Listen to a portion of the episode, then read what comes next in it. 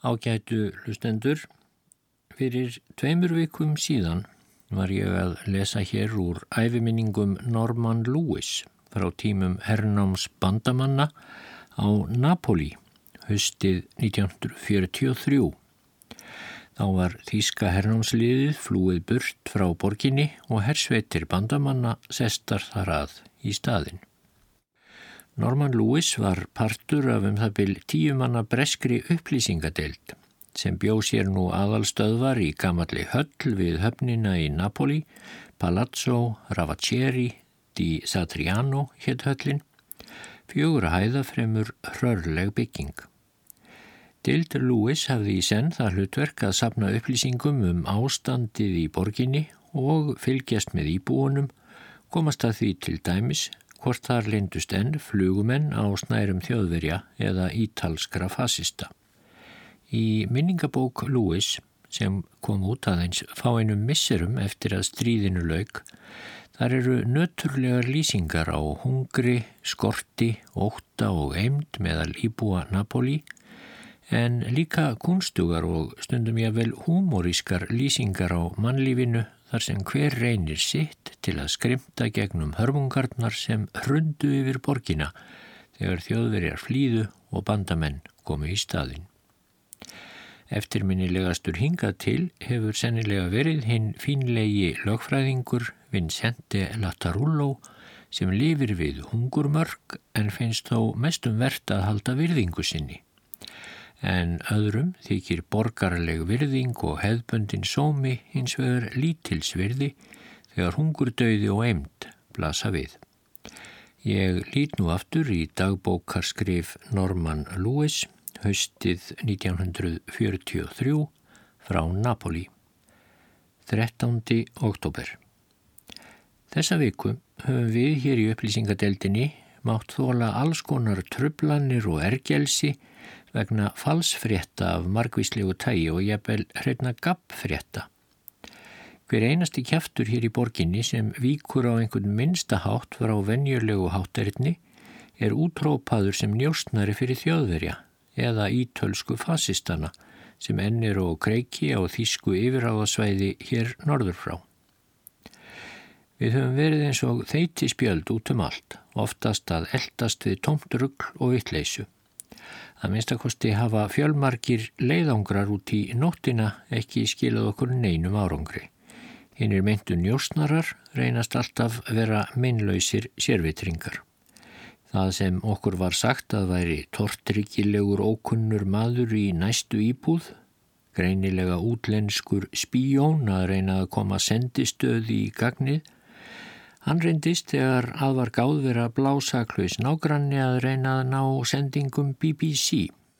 Í húsi sem okkur hafi verið tjáð að væri falin heil sending af nýttísku þýskum vopnum, þar fundum við ekkert hættulegra en kúfullan hlandkopp. En dularfull blikkandi ljósum miðjanótt reynast æfinlega vera fólk að paufast með kerti eða vasaljós á útikamarin neðst í gardinum. Nú þegar pósturinn er farin að starfa eðlilega á ný, þá hefur herskari rýtskoðar að teki til starfa og opnar nú hvert einasta bref og reynir að þefa upp leynileg skilabóð innan um sakleisislegar frettir af málefnum fjölskyldna eða fyrirtækja og þegar rýtskoðararnir eru í vafa um eitthvað þá koma þeir strax hlaupandi til okkar. Því miður er líka ferð að hlera síma hjá allu mögulegu fólki og uppskriftir af samtölum fólks eru svo sendar til okkar og við eigum að koma auga á dullmál og leinimakka. Fáránlegasta dæmið hingatil snerist um samtal hjá kalli og konu sem var afhengt okkur hátíðlega mert um ólöglega notkun á sjónauka. Þannig reyndist vera á ferðinni samtal hjá ástföngnu pari og stúlkan hafi sagt orð rétt Ég get ekki hitt þig í dag því maðurinn minn verður heima en ég mun dásta þér eins og alltaf gegnum sjónauka ástarinnar. Stöðin í þriðja hverfi er sérstaklega pyrrandi vegna þess að hún lætur dinja á okkur tilugur um fólk sem ætti að lenda í svörtubókinni hjá okkur en í stað þess að verða áræðanleg heimild um tortrikilegt fólk þá er hann að verða að allsherjar ruslahaug fyrir ofsóknaræði og lubbaskap hverskonar. Í eitt skiptið urðum við að punta þar niður upplýsingar um sérlega tortryggilegan aðila sem ekkert var þó vitað um nema hann er víst með þrjár gervörtur á vinstra brjósti en öðrum er aðeins svo líst að hann sé með andlit hræstnara. Annað var ekki um hann að segja. Allt þetta bull hefur vitaskuld fyllt okkur vaksandi vantrú á þær upplýsingar sem okkur berast, svo þegar við fórum að heyra fyrir nokkrum dögum flugufregnir um lindardómsfullt bank og ný yðrum jarðar, þá rukum við svo sem ekkert upp til handa á fóta. En þegar hinn ítalska Publica Sicurezza lögregla símaði til okkar í gær og vildi fá að ræða þetta skrítna þrusk, þá urðum við að leggja eirun við. Við löggurnar í Publica Sicurezza trúa ekki hverju sem er frekar en við. En þeir bættu því við að einn háttsettur fóringi úr þeirra eigin röðum hefði sjálfur heyrt þetta bank. Tilkynningar um það hafðu borist frá þó nokkrum stöðum í norður hluta Napoli og var mjög langt á millið þeirra. Kenning lögreglunar sem var studd fjölmörgum sögusögnum en líka nokkrum aðeins áræðanlegri heimildum Hún var svo að sérvalin sveit af þýskum SS-mönnum hefði búðist til að verða eftir í borginni þegar þjóðverjar hörfuðu og þeir hefðu falið sig niður í neðanjarðargöngunum sem eru mörg og mikil undir Napoli og þaðan mætti svo búast við að SS-mennirnir gerðu árásir hvenar sem væri. Sumir létu sér jafnvel detta í hug að upphafleg áætlun þjóðverjana hefði farið út um þúfur vegna þess að SS-mennirnir hefðu vilst niður í myrkrinu en dimm göngin undir borginni hafa enn ekki verið kortlögðunum að hluta til svo þar er algjört völundarhús. Samkvæmt þessari kenningu var bankið til marksum örvæntingar fullar tilraunir þjóðverjana til að láta vita af sér svo hægt værið að bjarga þeim upp úr myrkrinu áður en þeir dræpust úr hungri. Neðanjarðargöngin hér í Napoli eru í raun mjög víðáttu miklar katakombur eða grafkvelvingar þar sem kristnir menn komi sínum döðu fyrir á fyrstu öldum kristindómsins. Og katakomburnar hér eru sennilega þær víðáttu mestu í heimi, jafnvel meiri en bæði í Róm og Jérúsalem. Aðeins lítill hluti þeirra var opinn almenningi á árunum fyrir stríð og lauruglustjórin átti í mesta bastli með að finna gamalt kort sem síndi umfang þeirra. En þegar kortið fannst loksins þá var engin leið að vita hversu nákvæmt það væri. Núna eftir langvinnar sprengingar á yfirborðinu þegar gerðar voru loftárásir á borgina fyrst af okkur en síðan af þjóðurum. Þessar loftarósir hljótað hafa valdið hruni heilmargra af þessum fornu göngum. En við höfðum ekki annað við að styðjast en þetta gamla kort og reyndum að skoða það í samhengi við upplýsingar um hvar hið dularfulla bank heyrðist. Nú erum við eiginlega orðnir sannfærður um að hljóðin stafi í rauninu frá þjóðurum sem eru lokaður niður í katakombunum og því settum við saman 50 manna flokk og voru í honum menn frá ítölsku lauruglunni, bandarísku gagnjósnasveitinni og svo upplýsingadeildinni okkar. Og þessum hópi var ætlað að fara niður í katakomburnar og komast að því hvað þar væri á segði. Það eru í raun tvö megin kerfi þessara grafkvelvinga undir Napoli og það var hið víðáttu meira þeirra sem við ætlum nú að rannsaka. Hljóðin virtust engöngu koma þaðan. Ingangurinn niður í þessar katakombur eru aftan til í kirkju heilags Gennaros. Þær katakombur eru taldar hafi verið grafnar og nýttar á fyrstu öld eftir Krist og samanstanda í raun af fjórum stórum sölum sem grafnir voru hver undir öðrum en á milli þeirra eru alls konar gangar og ránkallar. Tveir neðstu salirnir eru meir og minna hrundir og hafi ekki verið aðgengilegir í setin tíð.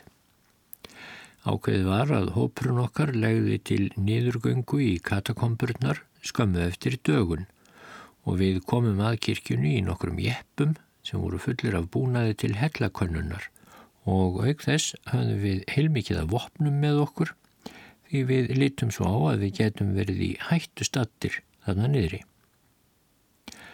Mungarnir sem lítu á þetta sem sitt ríki voru komnir á fætur og þeir síndu okkur ósvikna og ramma andúð. Einn munkana kom sér fyrir í dyrunum að gangnamunnanum og stóð þar með útréttar hendur svo við komumst ekki framhjá og verðum að fjarlæga hann með valdi. Þegar við komumst lóks af stað niður í göngin þá eldan okkur og helt út til stöðu og hortngríti spölvi og ragni í okkar gard fyrir helgispjöllin sem við værum að sína þessum helgastað Kristina Píslarvota. Ameríkumennirnir voru vel útbúnir með góða lampa sem líktust mest pínulillum leitarljósum og ljóskistlarnir fálmuðu upp um alla vekki í forstofunum og göngunum sem lága niður að megin sölunum. Ljóskistlarnir síndu að á öllum vekkjum voru ferskur sem litu satt að segja förðulega vel út þótt hátt í 2000 ára gamlar væru.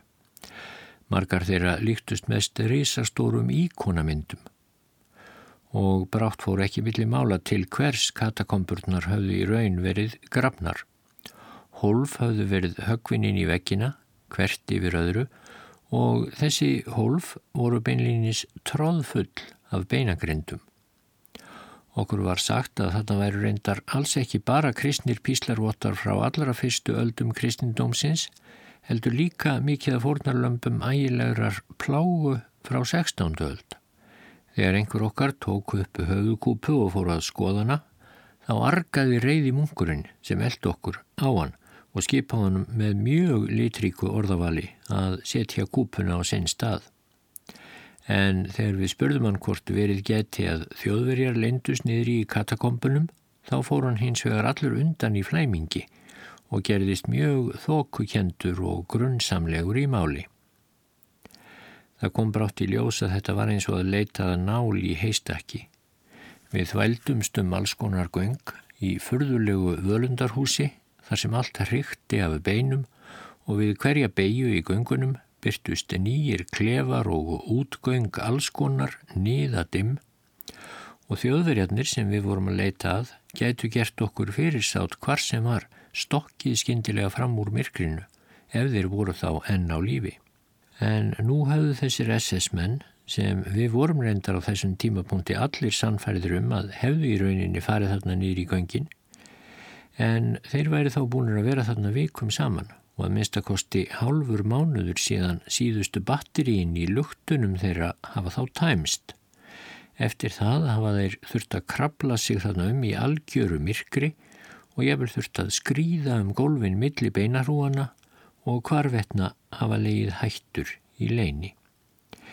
Í næst efsta salnum, þangað sem við komum staðlokum, þar stóðum við til dæmis allt í einu á barmi hengiflugs sem við vorum nærri dotnir onni og skorti okkur þó ekki ljósin. Þar hafði heil vekkur hrunið og þegar við lístum niður í dýpið sáum við bara stóra grjót og rík hrúu sem nokkur bein stóðu upp úr á víð og dreif. Við rendum hljóðnema þangað niður, ég vonum að heyri eitthvað til þjóðverjana, en heyrðum ekkert nema gremju fullt röflið í mungnum sem með okkur var. Þögnin þarna niðri var algjör.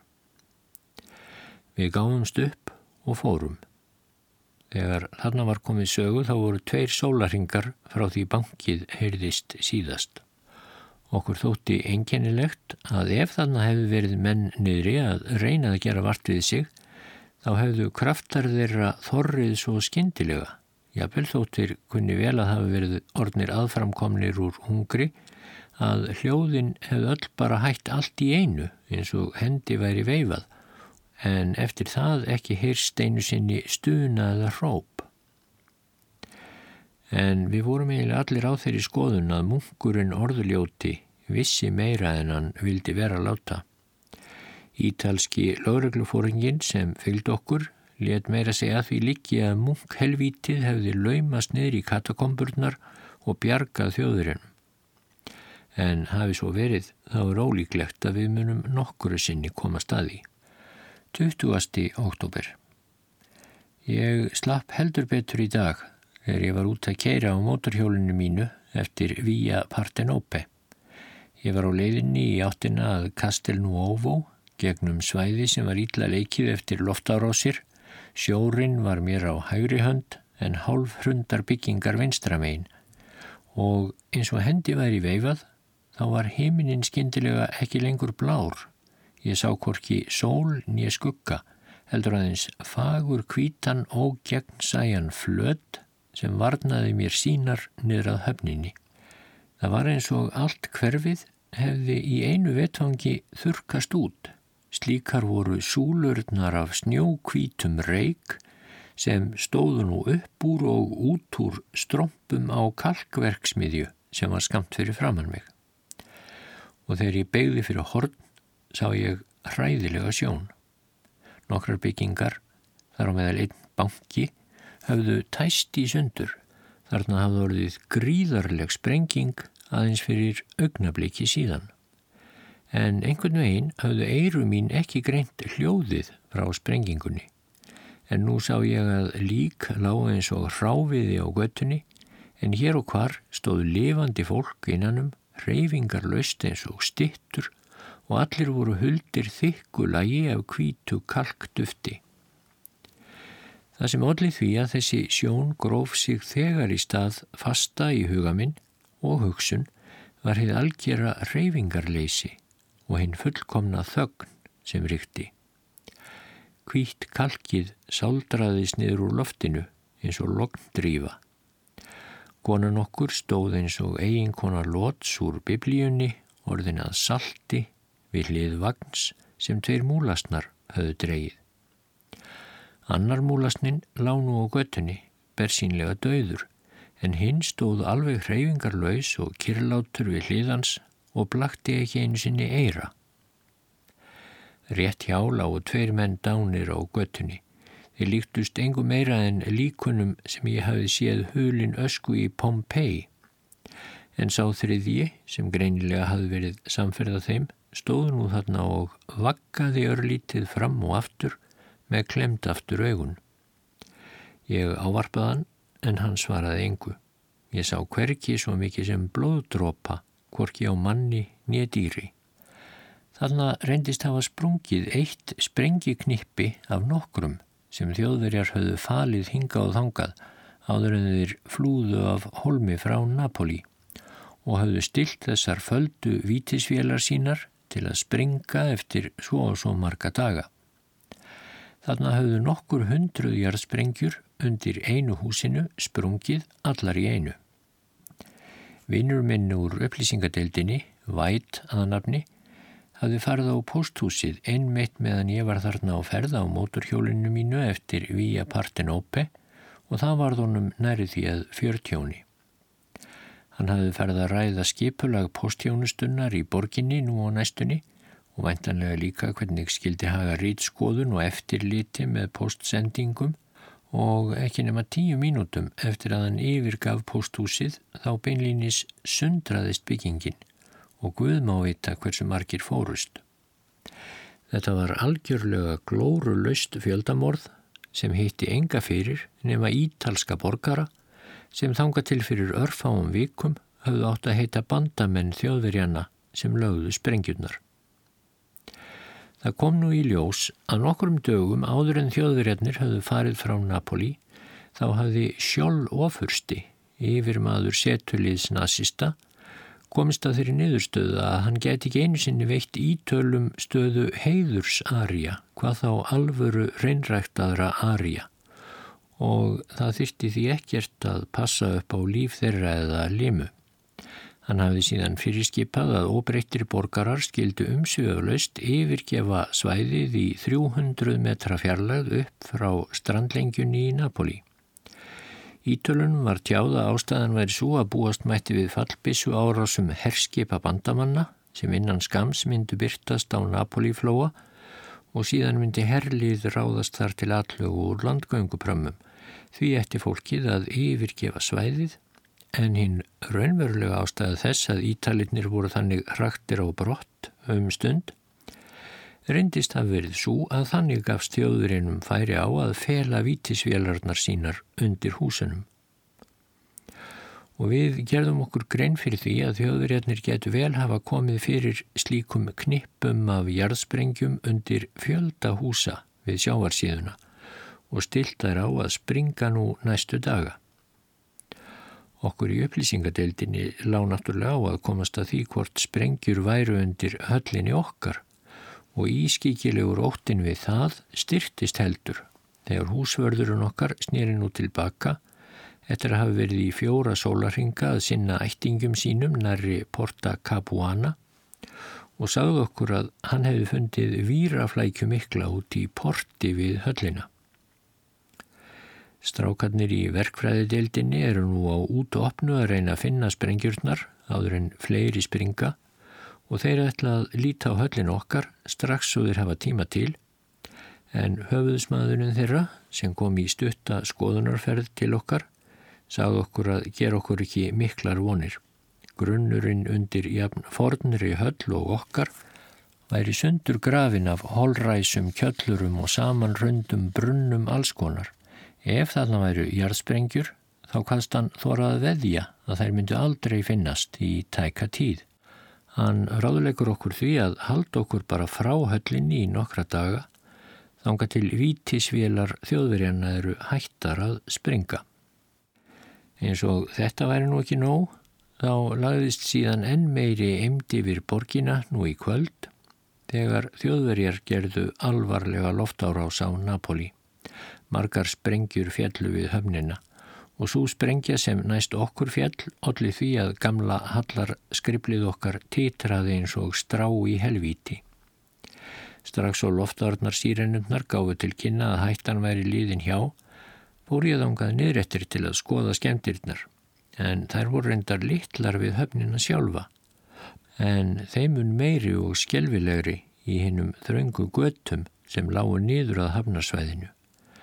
Þar mætti mér martraðar kent sjón, fólk að krafsa sig fram og aftur í rjúkandi rústunum, sumir spangólandi eins og hundar og gerðu örvendingar fullar en oftast árangurslausar tilraunir til að bjarga þeim sem voru fastir undir hrundum bjálkum eða grjótnullungum. Í Pizzó Falcone var hópur af öskuköllum undir týru frá göttuljósi að reynsa upp það sem virtist í fyrstu vera ókjör af kjöttkássu sem hafi farið út um allt upp úr reysastórum potti en reyndist við nánari aðtugun vera tróðfullt loftvarnarbyrgi sem hafi orði fyrir reysastóri sprengju. 2050. oktober Núna, fimm dögum síðar, veriðist hættan af vítisvélum þjóðveri að vera yfirstaðin. Svo hér eru allir, bæði íbúarnir og við herrmenn bandamanna, farnir að sinna hverstaslegri verkum. Það er ótrúlegt að fylgjast með því hvernig borg sem er svo sundurtætt, svo banhungruð, svo svift öllu því sem réttlættir að kallast borg, að fylgjast með því hvernig hún lagar sig að því að rapa niður í aðstæður sem lítur að svipa mest til aðstæðina á miðöldum. Fólk býr eins og beduínar í tjöldum í eigðimörkum húsarústana. Það er eiginlega engin matur til, lítið vatn, ekkert salt, engin sápa. Margir Napoli búar hafa mist allar eigur sínar í loftárásunum, þar á meðal flestöll föttin sín og ég hef séð fólk á göttunum sem hefur neðist til að klæða sig í hinnar förðulegustu samsetningar af fatnaði. Einn kallmaðurinn var klættur í sjakkett, kvennmanns blúndubuksur og svo hermannaklossa. Margar konur eru íklættar förðulegum dölum sem greinilega hafi verið rimpaðar saman úr gardínum. Hér eru engir bílar en hundruð hverskonar vagna, hjólbörur fara um og stöku hestvagn sem veriðist aftan úr miðöldum og oftar en ekki dregnir af hestum sem verðast eins og draugar af raunverulegum hestum.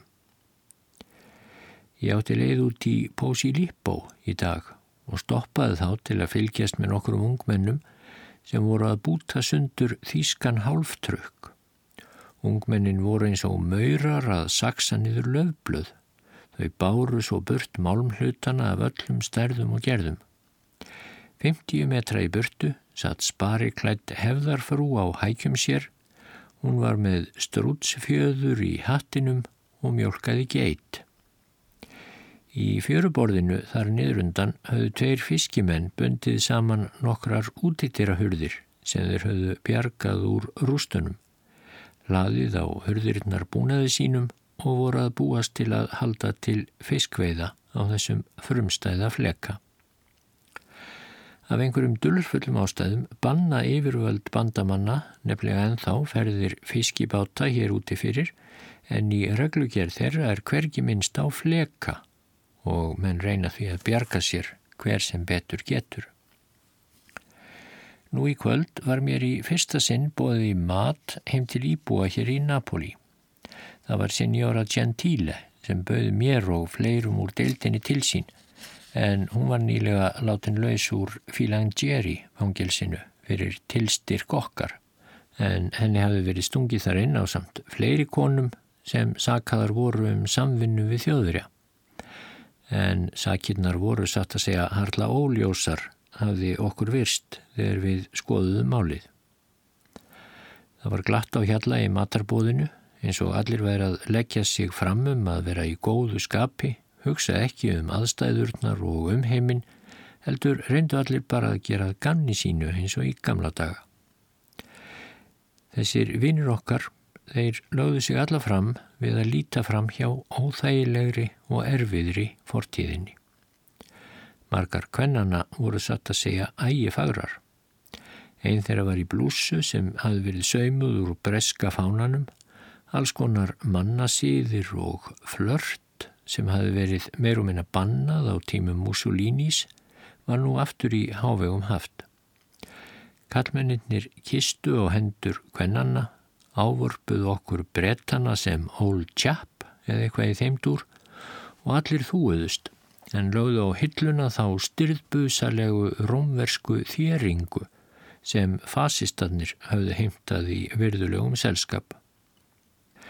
Við átum þarna þýskar pilsur, dreftum á snafsi, drukum rauðvín úr rauðvínsglösum, einhver gullaði á mandolín og við töluðum um Napoli og lífið í Napoli að fornu og nýju. Þessa borg sem alltaf leta eins og hún tæki ekki eftir því þegar nýr innrásar hér byrtist. Borg sem sigraðist með tímanum á innrásar herjunum öllum, enda aðeins og engöngu og alltaf með hugan við listi sem til lífsins. Það var minnst á ímis gömul stríð svona í framhjálaupi, þarna í veislunni, en þetta stríð sem nú stóð ekki einu orði. Það var heldur ekki minnst á Mussolini, matarskort, eða þær grunnsemdir sem uppi voru um að taugaveiki væri í þann vegin að brjótast út í borginni. Allt op snemma var svo þessari óraunverulegu skemmtun lokið, útgöngubannið var að skella á. Þegar við í deildinni minni vorum að kveðja þá dró Signora Gentile mig afsýðis og eftir að hafa tvíst í íð svolítið stund saðist hún þurfa að byggja mig um greiða Það vildi svo til, sagði hún mér, að það var þýskur hermaður grafinn í gardinum hennar og hvað var hægt að gera í því? Saga hennar var svo að um það byrj tveimur dögum áður en við byrtumst í Napoli þegar skæruliðar ansbyrnu hreyfingarinnar og þjóðverjar börðust á göttunum þá hafði ungur þýskur hermaður barið í ofbóði að dyrum hjá henni og byggði hann um hjálp við að fela sig vopnaðir ítalir væri á hælumanns og þeir myndu brátt ná honum og ganga frá honum. En Signora Gentile hafði ekki talið sig geta hleyft Hermanninum inn og daginn eftir sá hún svo lík ungamannsins á gangstjettinni fyrir framann húsið hennar. Hún saðist á hafa dreyið líkið inn í gardin hjá sér, náði skoblu og grafið það svo þjóðurjar fær ekki að hefna sín á henni fyrir drápið á Hermanninum sem hún hefði þó ekki haft neitt með að gera. En nú var hún að vona að einhver, greinilega ég, geti hjálpaðinni að grafa upp líkið og láta það einhvern veginn hverfa. Því það hafði runnið upp fyrir henni að einhver tíma, kannski eftir mörg mörg ár, þá myndi hún þurfa að selja húsið og hún geti rétt ímyndað sér hver vandraðilegt að það yrði ef nýri eigandi fyndi lík grafið í gardinum. Ég sagði Signora Gentile bara að ég geti haft samband við viðeigandi yfirvöld og þau myndu öruglega bjarga þessu einhvern veginn fyrir hana. Annað geti ég ekki gert. Þá kom svo litið á hana og hún sagði mér flausturslega að hún vildi helst að málið erði leist svo lítið bæri á og kannski væri þrátt fyrir allt bara best að láta líkið eiga sig. Hér býr eflaust eitthvað meira undir steini en hvað það er, ég get ekki hugsað mér að láta mig það neinu varða. Fyrsti november. Við höfum nú fengið þær ömurlegu fréttir að gagnjósnadeildin verði að skera hressilega niður í útgjöldum og eftirleiðis fái hver tengiliður okkar aðeins 400 lýrur á viku eða sem nefnur einu sterlingspöndi. Við erum alveg þrjumur losnir á þessari nísku. Flestir úr mínum hópi eru búin að koma sér upp 10-15 tengiliðum sem allir eru tilbúinir til að leggja okkur allt það lið sem þeir geta og þessi nánasarlega upphæð er nú allt og sömt sem við megum greiða þeim fyrir ómakið. Þó er ekki eins og þetta kosti okkur neitt að ráði því peningarnir eru sérstakar hernámslýrur sem kostar ekki neitt að prenta bara meira af og þessi tilkynning kom beint á hæla tilkynningar um að dátar í öðrum deildum fengju brátt borgaða nýju skildinga aukalega til að eigða í hátíðahöld vegna jólanna sem fara í hönd eftir sjö vikur. Þetta er nú meiri rævilstusku herin. En reyndar, þótt gjaldkerar hersins hafi kannski ekki hugmyndum það, þá mun þessi niðurskurður á peningum til uppljóstrara og tengiliða hafa miklar og skadlegar afliðingar. Það er ég alveg vissum. Sannfærður uppljóstrari er jafn tryggur húsbúnda sínum og hreinlindur elskugi sem aldrei myndi láta sér til hugar koma að heimta peningalega umbunn fyrir það sem hann hefur að bjóða ástmegu sinni. Það sem myndir endar auðveld okkur starfið mjög mikið og leta af okkur mesta samviskubitinu við að fá þetta fólk til að vinna fyrir okkur væri ef við getum bóðið þeim fyrir viðvíkin ekki peninga heldur mat. Dátar í stóru hersveitunum, sérilagi þeim amrísku, eiga auðvelt með að smikla matfælum og herrmenn sem fá heimbóð á ítölsk heimili finna yfirleitt alltaf einhver ráð til að taka með sér einu eina niðursuðu dós til að færa húsráðundum. En í deildinu okkar eru hins vegar aðeins 13 menn um þessar myndir og matarsköndun og matarútdeiling eru alveg klift og skorinn og það er engin leið að láta eitthvað smálegt hverfa millir þils og veggjar í okkar deild. Ef einhverjir afgangar verða eftir þegar við erum búinur að borða, þá sjá þjónarnir okkar tveir til þess að ekki arða verði eftir þegar þeir eru búinur að reynsa til eða þannig. Þannig getum við ekkert hýrt með okkur. Latarullo kom ég heimsókn í dag og kvíslaði að mér langri runu af skjelvilegum spillingarmálum í tengslum við svartamarkaðin. Hann nefndi að hinn sívakandi skvadra núkljó sem lauruglustjórin hér í borginni kom nýlega á fót til að hveða vaksandi spillinguna í kútin. Henni hefði nýlega tekist að ráða fram úr svolítlu vandamáli sem hrjáði einn af helstu skurðalæknum Napoli en við vorum reyndar þegar búin að frétta ímislegt um þann góða mann. Svo virðist sem lækninum hafi nýlega áskotnast ákjættur lítill bíl af gerðinni Fiat sem reyndist svo hafi verið stólinn. Undir venjulegum kringumstæðum hefði venjulega löggan leist málið með því að hinn ágæti læknir hefði þurft að borga 50.000 lýrur og svo hefði það bara gufað upp en nú þarf læknirinn að eiga við hinn að nýju skvadra núkljó sem er mjög umhugaðum að sína að þar verði engum mútað og engin spilling sé í gangi og þess vegna þarf lækniri nú að borga 200.000 lýrur til að málið hverfi og hann fái að halda sínum góða bíl. Vinnur minn Latarullo er nú annars enn máttvarnari af hungri en síðustu daga og allur efri partur líkama hans riðar til og augun eru yfirleitt lokuð, jáfnvel þegar hann fær sér sæti. Eftir að við höfum átt tal saman á skrifstofunni minni ákvaði ég að bjóðunum út að borða á einu þeirra litlu veitingahúsa sem hafa sprottið upp hér í hliðargötunum síðustu daga, þó ekki sé nú úrvalið allstaðar ríkulegt. Við gengum saman út og horðumst í augu við borginna sem virtist bókstaflega að hruni komin allt í kringum okkur. Víða þurftum við að klofa yfir hrúur af spýtnarustli og grjótrúum eftir loftárósirnar. Latarullo átti nú ekki mjög auðvelt með það. Hann þurfti að nema staðar á nokkura mínútna fresti til að kasta mæðinni og sapna örlittlu af kröftum. Þegar við ætluðum að styrta okkur leið um gamalkunnugt port stóðum við allt í einu anspænis 6 metra háum ruslahaug því eitt húsana við portið hafði látið undan og hrunið til grunna.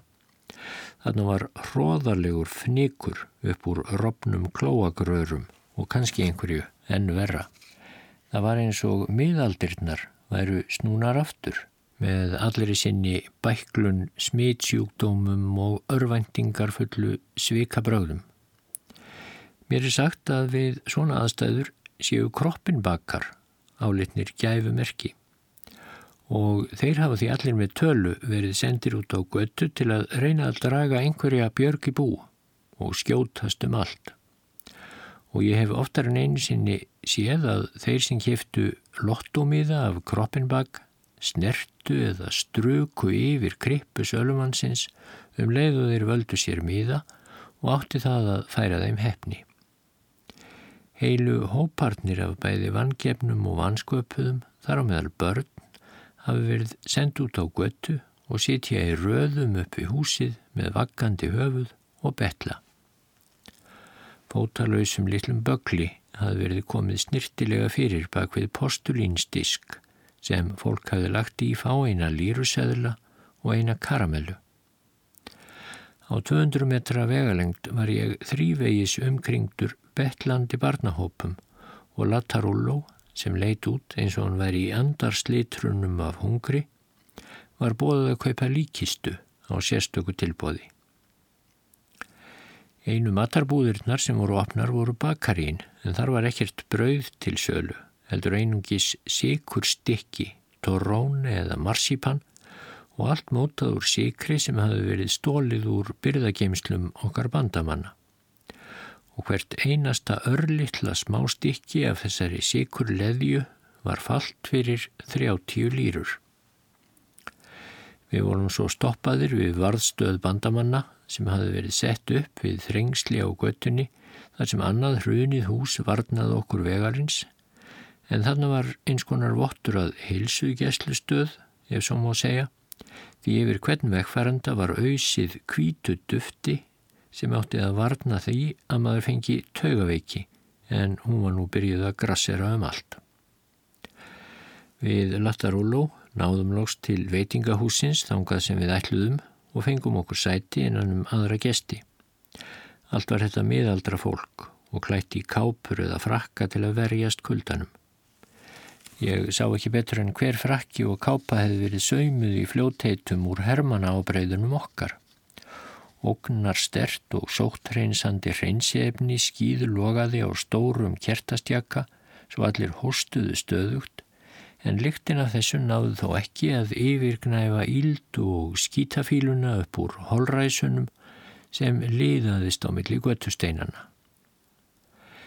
Í þessu veitingahúsi týðkaðist greinilega að þjóttnin byrtist með fat sem hann bar milli borðanna og uh, síndi fisk dagsins. Latarúló kallaði þetta síningarfiskin og vaninn var greinilega að gestir veitingahúsins létu hrifningu sína í ljósi með aðdánar andvörpum og upprópunum. En fiskurinn þennan daginn var með stóran og myndarlegan haus en það var búið að skera afgang hans í búta svo ekki var gott að átt að sjá hvaða fiskur þetta væri. Það reyndist náttúrulega að vera maðkur í misunni. Latarullo krafðist þess að fá að rannsaka síningarfiskin nánar og bendi mér lóks á að hausinn passaði alls ekki við afgang líkamanns. Af þrýhyrningslaga bakkukanum að dæma þá væri þetta sennilega lítill blettaháfur en í venjulegu árferði reyndu Napoli búar að forðast slíkt ómeti ef þeir mögulega getu. En það eina sem var á matseðlinum fyrir utan hennan vægast sagt ólistuga fisk var kálvakjött að Mílanó síð að þér sagt var og kjöttið var vissulega afar ljóst á litin en virtist skrauf þurrt og þjóttnin viður kendi eftir að við höfðum gengið á hann að þetta væri kjött af gömlu hrossi. Við fengum okkur bara makarónur á endanum. Engin tilraun var gerð til að skilja á milli viðskiptavinnana á veitingahúsinu og fólksins úti á göttunni. Úpnir strákar með haugfrán augu, hinnir frægu Skúgnitsi, göttukrakkar hér í Napoli, þeir sveimuðu millir borðana tilbúinir að kasta sér á hverja þá brauðskorpu sem einhver matargestana virtist líklegur til að líta framhjá eða til að rýfa í sig hinnar minnstu leifar áður en þeim virði hent fyrir flækingskettina. Eins og venjulega gati ég ekki annað en dáðst að því að gáfaður og sveip þessir strákar virtust. Mér líkur við að segja viturlegir. Fjónarnir á veitingahúsinu gerði ekki minnstu tilrænt til að rekka á burt. Þeir bara létu eins og strákarnir væru alls ekki þarna. Matargestinnir voru sem í öðrum heimi meðan þeir fengust við matinn sinn. Furðulega bækluðu manni var þá dröslaðinn, hann lág á grúfu á handvagni, hendur hans og fætur stóðu bóknir út í loftið svo hann líktist helstur í þessa stóri konguló. En engin matargestana leit upp, svo mikið sem sekundu brott til að virða fyrir sér þann fallaða. Einn af göttustrákunum veiti á augabræði, handonum bröðmóla, snýri höfðans út á hlið og tróð bröðbyttanum millir varaðans og svo var hann dregin út aftur. Allt í einu byrtust fimm eða sex litlar telpur í dýragettinni á veitingahúsinu. Þær voru svona nýju til tólf ára og voru í einhverjum skjelvilegum svörtum enkennispúningum samfestingum sem voru neftir alveg upp í háls en á fótunum voru þær í svörtum bómsum og svörtum sokkum. Þær höfðu allar verið snóðkliftar eins og þær væri fangar og þegar þær fóru að feta sig millir borðana og ráku sig utan í stóla og matargesti og hvaðeina þá rannu fyrir mér að þær voru allar blindar. Skelvingu og örvæntingu var þvingað upp á okkur. Það leti ekki loka sig úti. Ég bjóst við að hennir skeitingarlausu matargestir myndi nú íta frá sér diskunum, standa upp og breyða út faðmsinn, gagvart stúlkunum, en enginn rótaði sér.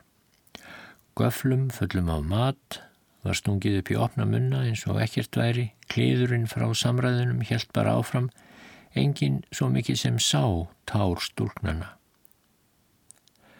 Latarullo útskýrði fyrir mér að þessar litlu stúlkur væru frá munadarleysingja hæli í hverfinu Vomero og hann hvaðst hafa hirt og hér grett hann sig að aðstæður væru þar mjög slæmar.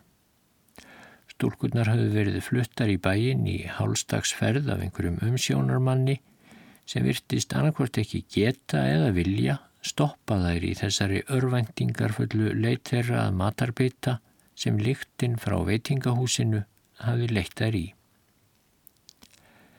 Þessi sjón breytti viðhorfi mínu. Fram að þessu hef ég haldið dauðahaldi í þá huggun að manneskjan læri alltaf að lokum að takast á við og sættast við sársauka og sorgir. Nú skil ég að ég hef rangt fyrir mér. Eins og Páll á leiðinni til Damaskus þá varði ég fyrir opinberun nema hvað þetta var opinberun til bölsíni. Littlu stúlkurnar, en hver þeirra um sig hefði geta verið dóttir mín, þær voru grátandi þegar þær komu inn á veitingahúsið og þær voru grátandi þegar þær voru lettar út. Ég vissi að þær dæmdar til að lifa í myrkri til æviloka, til að lifa við hungur og missi og ásleysi, ég vissi að þær myndu gráta stöðugt. Þær myndu aldrei jafna sig á sársaukanum og ég myndi aldrei jafna mig á minningunni um þær.